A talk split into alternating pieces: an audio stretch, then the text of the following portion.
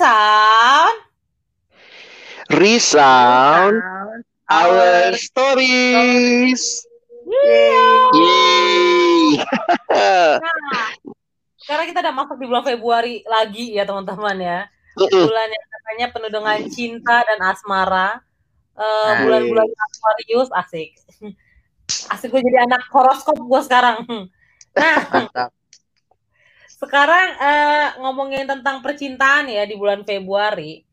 Gua sudah mencari konten untuk konten Mhm. kita, sudah mencari topik untuk konten kita hari ini yaitu adalah sebenarnya sebenarnya yang harusnya menyatakan cinta, memperjuangkan cinta ataupun relationship itu kira-kira cewek atau cowok duluan ya guys? Itu yang pertama. Wah. Kalau yang gue lihat nanti nanti kalian jawab ya sebagai pria-pria asik. Eh apalagi Bang Alex sebagai pakar percintaan kita. Nah, terus Wah, selain harus diperjuangkan itu cowok, eh bukan gini, selain cowok yang harus memperjuangkan, eh ada juga orang-orang yang kayak fakta yang yang yang menunjukkan bahwa segala sesuatu tuh harus cowok yang mulai misalnya nyatain cinta itu juga Hmm. harus cowok kalau cewek itu satu hal yang tabu deh kayak kayak kiamat besok ya kan kalau cewek nyatain duluan nah terus Mm-mm. lain juga eh kayak satu hal yang salah ketika cewek suka duluan sama satu cowok. Nah, itu kan jadi menunjukkan kayaknya emang harus cowok deh yang memperjuangkan. Bahkan di Alkitab nih ada yang sampai bawa-bawa yang diciptakan terlebih dahulu ada Adam, itu adalah laki-laki ya kan. Nah, jadi panjang kan perkaranya kalau udah begini. Nah, sebenarnya menurut kalian kalian setuju nggak dengan statement itu, guys? Gue malah pengen nanya ke lu, Nov. Lu Hah, pengennya, Halo. Lu pengennya diperjuangkan atau memperjuangkan? Halo. Ya ampun. Kalau aku sih aku senangnya diperjuangkan. Aduh. Gimana ya? Ini Ernest dulu kali ya, yang mungkin juga punya pengalaman dengan kehidupan. Kehidupan sih iya bang, percintaan sih kita masih meragukan ya. Oh gitu ya. Tapi pernah dong ya dengerin mungkin cerita. Terbuka banget kayaknya bagaimana? Kita kan mungkin pernah dengar cerita dari teman-teman yang lagi bergumul seperti itu. Gimana tuh Mhm. pengalamannya? Kalau gue sih mikir eh, siapa yang perlu eh, maju duluan eh, sebenarnya siapa aja ya. Gue sih penganut itu ya eh, siapa aja. Cuman kalau pribadi untuk pribadi gue kayak gitu, gue rada risih kalau ada eh, perempuan yang maju duluan ke gue kayak gitu. Kenapa? Hmm. Karena gue kan lagi biasa aja relasinya dengan dia seperti itu. Nah terus eh, dia datang eh, berusaha menarik perhatian gue. Nah buat gua kayak gitu itu seolah-olah lu lagi meminta sesuatu kayak gitu lagi mau mengambil sesuatu dari gua apa itu perhatian kayak gitu Eh, yang gua punya harus diberikan kepada lu yang sebenarnya eh gua secara willingly tuh belum mau kayak gitu kecuali kalau memang kita eh, natural temenan kayak gitu eh, berelasi udah lama kayak gitu udah kenal duluan. Nah terus dia mulai eh, mencari perhatian dan lain sebagainya. Nah gue lebih mudah kayak gitu menerimanya. Karena memang kita udah udah udah deket awalnya kayak gitu. Jadi gue nggak perlu memberikan tang me- bertang nggak perlu bertanggung jawab untuk memberikan perhatian kepada eh, dia seperti itu. Nah cuman Hmm. eh, gue lebih condong kayak gitu tipikal eh, yang ngejar kayak gitu atau atau cowok yang inisiatif atau memperjuangkan kayak gitu. Nah kalau Hmm. gue tipikal begitu. Nah satu sisi gue ngeba kebayang sih kayak gitu ya. Ba- banyak para kayak tadi Novi lah kayak gitu. Memang eh, perempuan senang diperjuangkan kan seperti itu. Nah gue juga kadang-kadang tuh eh, memperjuangkan bagi gue ya. Gue gue jelas sih kayak gitu. Kalau emang gue mau ya gue nggak nggak nggak eh, dari yang terakhir kayak gitu hubungan relasi gue terakhir itu rada cepat juga kayak gitu dalam gue Hmm. eh, apa namanya bergumul lah kayak gitu untuk untuk bilang ayo kita berdoa bareng eh, gue lagi mau berelasi dan lain sebagainya Nah, Hmm. gue nggak nggak tipikal yang lama-lama kasih kode-kode kayak gitu. Mungkin mungkin ada orang-orang yang senang begitu. Kenapa? Mungkin kepribadiannya begitu kayak gitu, senang dengan dengan kode-kode dan lain sebagainya. Nah, kalau gue beda gitu, gue nggak suka yang begitu karena bagi gue itu lama banget, lama banget dan gak to the point buat gue kayak gitu. Itu gue malah bikin hidup gue nggak jelas eh, dengan kode-kode itu kayak gitu. Nah, makanya gue kalau emang benar-benar serius sih biasanya gue nggak terlalu lama kayak gitu untuk melakukan uh, pendekatan terus langsung bilang gue lagi uh, tertarik ingin mengenal lu dan lain sebagainya. Tapi buat gue sih nggak masalah sih karena gue ada kenal pernah juga dengar hmm. cerita lah. Perempuan yang menyatakan duluan kayak gitu.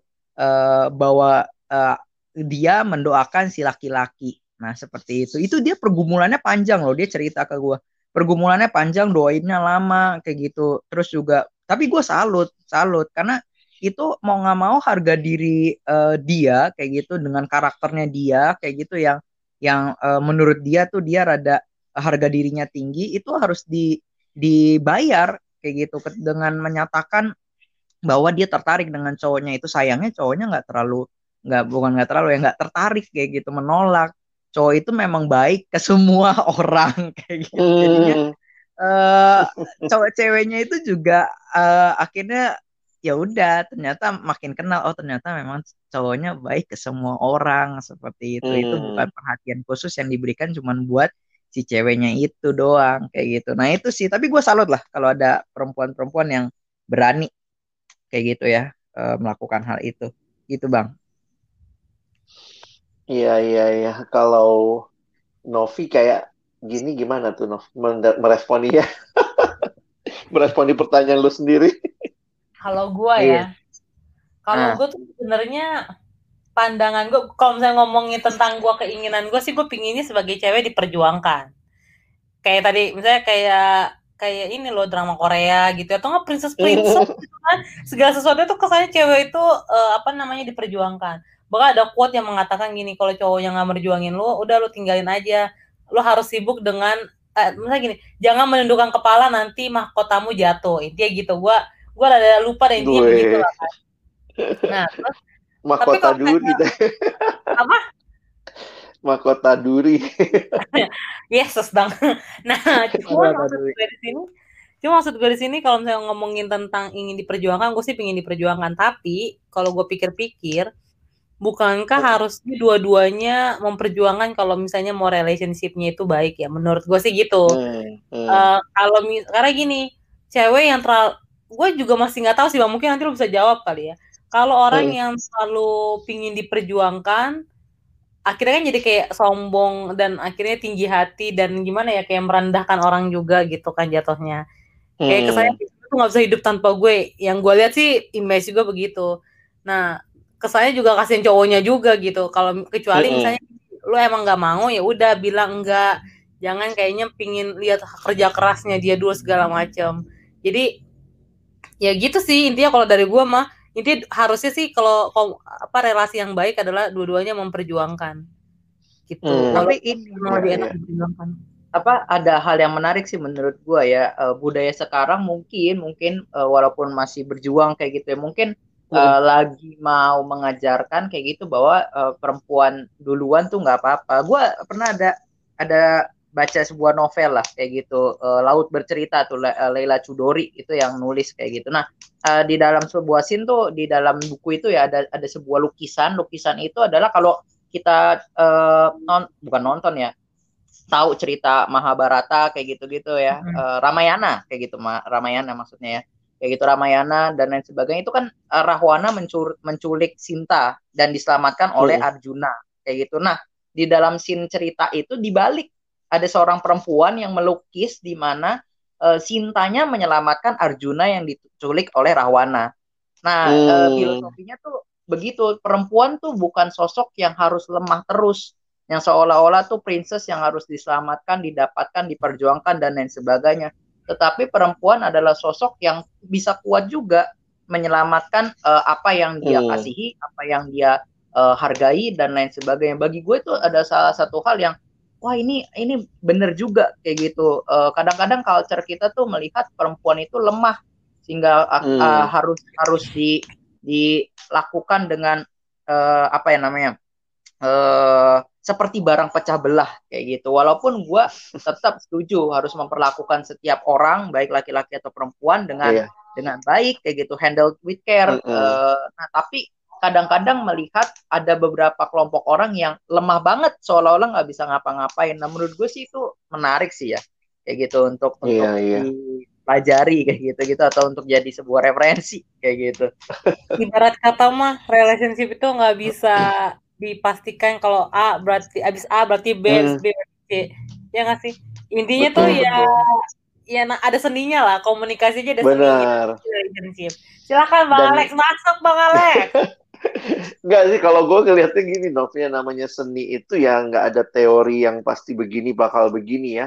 Cinta juga bukan hitungan matematika satu tambah satu pasti dua. Dalam arti ada hal-hal yang prinsip, tapi juga ada hal-hal yang di dalamnya sangat tergantung situasi ya. Dalam arti bagaimana kita meresponi situasi yang ada, melihat situasi uh, lawan pasangan kita dalam arti ini ya. Nah, cuma gue mungkin menggarisbawahi dua hal kali. Pertama begini, biasanya yang merasakan eh, apa ya perasaan itu secara dalam itu yang akan maju lebih dulu. Bagi gue itu itu normal aja sih. Bisa laki-laki, bisa perempuan. Karena kan belum tentu waktu yang satu maju, yang satu sudah punya perasaan ya. Hmm. Nah, jadi memang ini yang sering kali jadi masalah karena kan diharapnya laki-laki yang maju. Sementara laki-laki ini ternyata dia baik sama semua perempuan. Nah, sementara perempuannya karena dibaikin udah mulai mikir, wah dia pasti ada apa-apa nih sama aku. Nah, menurut menurutku ya dalam beberapa kali konseling dengan orang-orang yang punya pergumulan seperti itu, aku berani tuh bilang ke yang perempuannya karena sekarang perasaanmu yang sedang ber, bergejolak gitu ya kamu karena perempuan ini sudah mulai aku nggak bisa tidur bang kepikir dia mulu. Aduh dia uh, tadi uh, kirim SMS gitu sampai apa emotikonnya pun diperhatiin. Bang gila dia kirim emotikon yang itu bang gitu ya. Nah menurut okay. gue untuk hal-hal seperti itu ya silahkan dipastikan. Nah salah satu memastikannya ya nanya yang kesannya kayak menyatakan lebih dulu. Kalau nggak berani ya kalau nggak berani mungkin bisa pakai tanda kutip orang lain yang akan bisa jadi aku suka pakai istilah sendi ya sendi dalam arti yang me menghubungkan.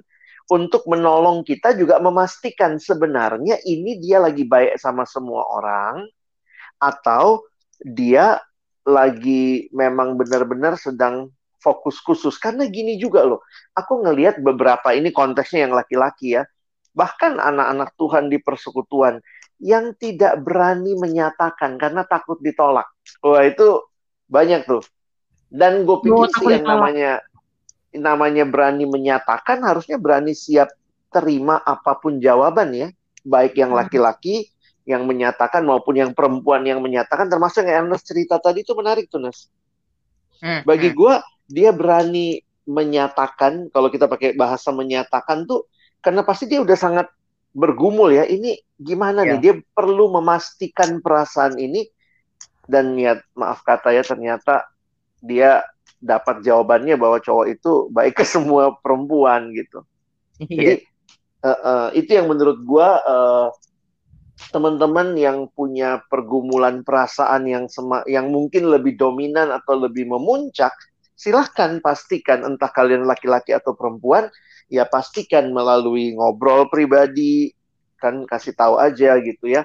E, saya kok rasanya ada seperti ini. Jadi kadang-kadang jangan sampai kedekatan yang sudah begitu rupa tapi nggak jelas ini komitmennya apa.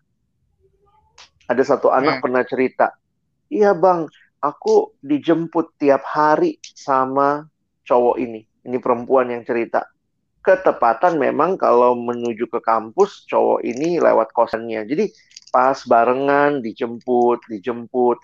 Terus dia bilang, "Bang, udah sebulan ini aku dijemputin terus. Dia perhatian, dia baik. WA, uh, eh, nanti gue jam segini ya nyampe kosan gitu-gitu." Terus dia bilang, dia nanya ke aku gitu, "Jadi Bang, cowok ini suka sama aku nggak ya?" Aku bilang, "Loh, kok nanyanya sama saya? Saya juga nggak tahu." Mesti tanya sama cowok itu kan itu memastikan karena cewek ini sudah mulai menginterpretasi macam-macam tuh. Wah ini cowok suka sama dia, perhatiannya, bunyi motornya pun semua di, di, diinterpretasi sebagai sesuatu yang yang me, me, membuat kayaknya cowok itu suka sama dia. Nah ternyata waktu ditanya lebih jauh, ya benar sama yang kayak Ernest tadi ya. Ini cuma cowok-cowok baik gitu ya. Cowok-cowok baik yang harus tahu batas juga. Gue sekarang kalau bicara sama teman-teman cowok juga jangan membuat perempuan-perempuan menginterpretasi terlalu jauh dengan kebaikan yang sebenarnya teman-teman harus punya limit juga sih. Kalau gue sih melihatnya begitu ya.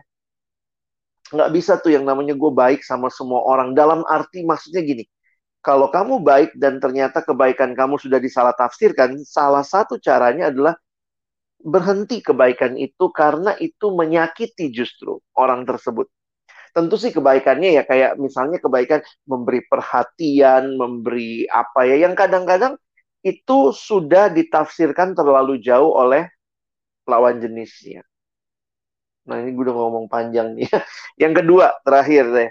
Yang kedua, ingat menyatakan itu bukan masalah menang atau kalah. Jadi jangan merasa juga gitu kalau saya menyatakan kalau nggak diterima, wah gue kalah nih. Nah itu yang kadang-kadang cara berpikir seperti itu, nah masuk tuh budaya kita kan kayaknya harus laki-laki yang ngomong duluan. Terus kayaknya nanti mesti lihat nih laki-laki ditolak apa tidak, nanti masalah menang atau kalah, nanti kemudian dia coba lagi saya ngelihatnya ini bukan masalah menang kalah, tapi ini masalah kita mau sedang menjalin relasi dengan seseorang yang kita mau kenal untuk menjadi pasangan hidup kita sampai suami dan istri. Mungkin begitu dulu.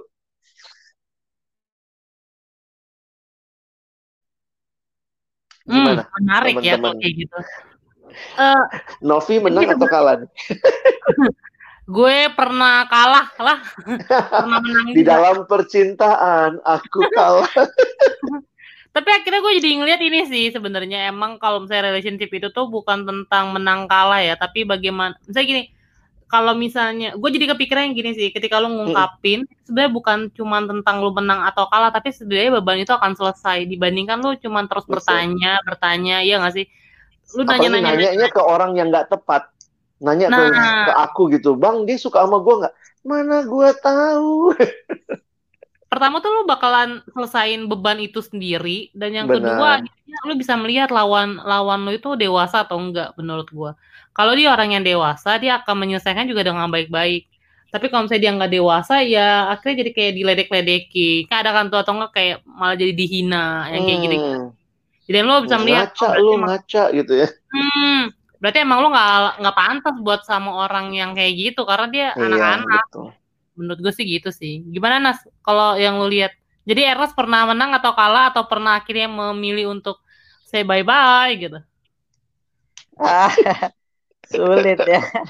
Tapi gue makin sadar sih maksudnya relasi itu antara pria wanita atau lebih tepatnya dua dua insan ya yang uh, mencoba untuk menjadi satu tuh kompleks memang nggak hmm. nggak hmm. mudah terkadang sulit buat seseorang tuh yang udah baper terus nanya eh ini maksudnya apa kayak gitu satu sisi waktu Betul. dia nanya begitu tahu taunya akhirnya itu bukan maksudnya apa apa itu akan akan ya, mungkin gitu. akan menghilangkan uh, perhatian-perhatian yang selama ini dia dapatkan yang sebenarnya dia nikmatin juga perhatian itu kayak gitu. Oh, Jadi iya, mendingan betul. Uh, mendingan ya udah dibiarin aja nggak nggak nggak jelas kayak gitu. Biarin gue nebak-nebak apa yang menjadi isi hatinya kayak gitu karena itu nikmatnya di situ kayak gitu. Gue jadi ada ada angan-angan, gue jadi ada kerinduan, gue jadi ada mimpi-mimpi kayak gitu-gitu. Nah, satu sisi begitu. Nah, satu sisi lagi kadang-kadang uh, apa ya, dari sisi orang yang yang memberikan perhatian gitu kadang-kadang nggak nggak ngerti juga kayak gitu. Dia pikir itu adalah hal yang baik dan lain sebagainya akhirnya memberikan uh, perhatian dan lain sebagainya. Dan dan satu sisi egois kayak gitu. Memberi hmm. perhatian itu terkadang terhadap kepada orang yang kita kasih itu nikmat juga kayak gitu. Kepada Karena orang kita yang, dapat uh, feedback. Kita dapat feedback iya, baik gitu. dari dan orang mendapatkan itu. feedback yang baik betul. Apalagi mendapatkan feedback yang baik kayak gitu. Nah uh, itu nikmat juga. Jadi kadang-kadang waktu memberi pun juga kadang-kadang nggak ya egois aja hanya sekedar mau tulus. iya kayak gitu. Eh, nggak uh, memperhatikan apakah orang ini tuh sebenarnya lagi kita tersakiti oleh perhatian-perhatian kita atau enggak kayak gitu dan dan akhirnya gue menurut gue salah satu hal adalah uh, mungkin ya gue walaupun masih terus belajar kayak gitu berempati dalam artian kalau gue ada di posisi dia dan terus gue mendapatkan perhatian-perhatian seperti itu, apakah gue akan baper kalau gue ada di posisi hmm. dia? Nah kayak gitu.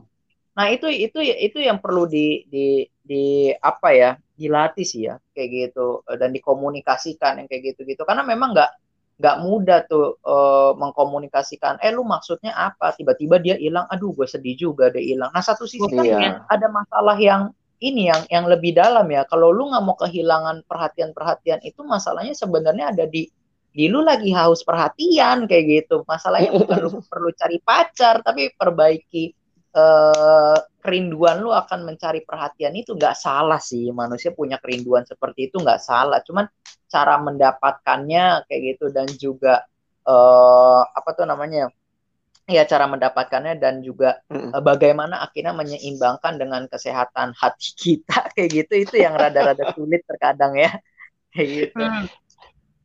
Oke, okay. jadi kita mudah lah, mesti mesti apa ya mesti juga belajar untuk gue senang dengan kata empati tadi ya karena dalam pengalaman nih banyak ketemu cowok-cowok ini masalahnya karena gue ketemunya cowok ya yang memang ingin jadi cowok baik buat semua perempuan dan ternyata nggak bisa dalam arti hmm. kamu nggak empati dengan perasaan orang yang sedang kamu perhatikan dan kita mesti sadar dalam relasi perhatian itu pegang peranan penting Hmm, Jadi hmm, hmm, begitu diperhatikan ya yang perempuannya mulai baper, mulai berasa dan itu kalau sudah lagi perasaan menguasai, teman-teman kan kita pernah ngalamin kali ya.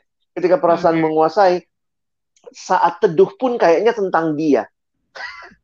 Jadi firman Tuhan pun kayaknya oh ini peneguhan buat saya.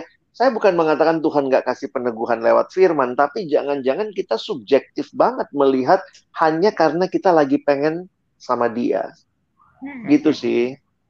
Hmm. Yeah, yeah. Oke, okay. karena keterbatasan waktu dan topik kita, tapi kayaknya next next topik nih gue tahu nih kita bakal ngomongin apa. Kayak kita bisa nih ngomongin oh, tentang okay. ghosting guys. Coba. Okay. Atau tentang ghosting ya.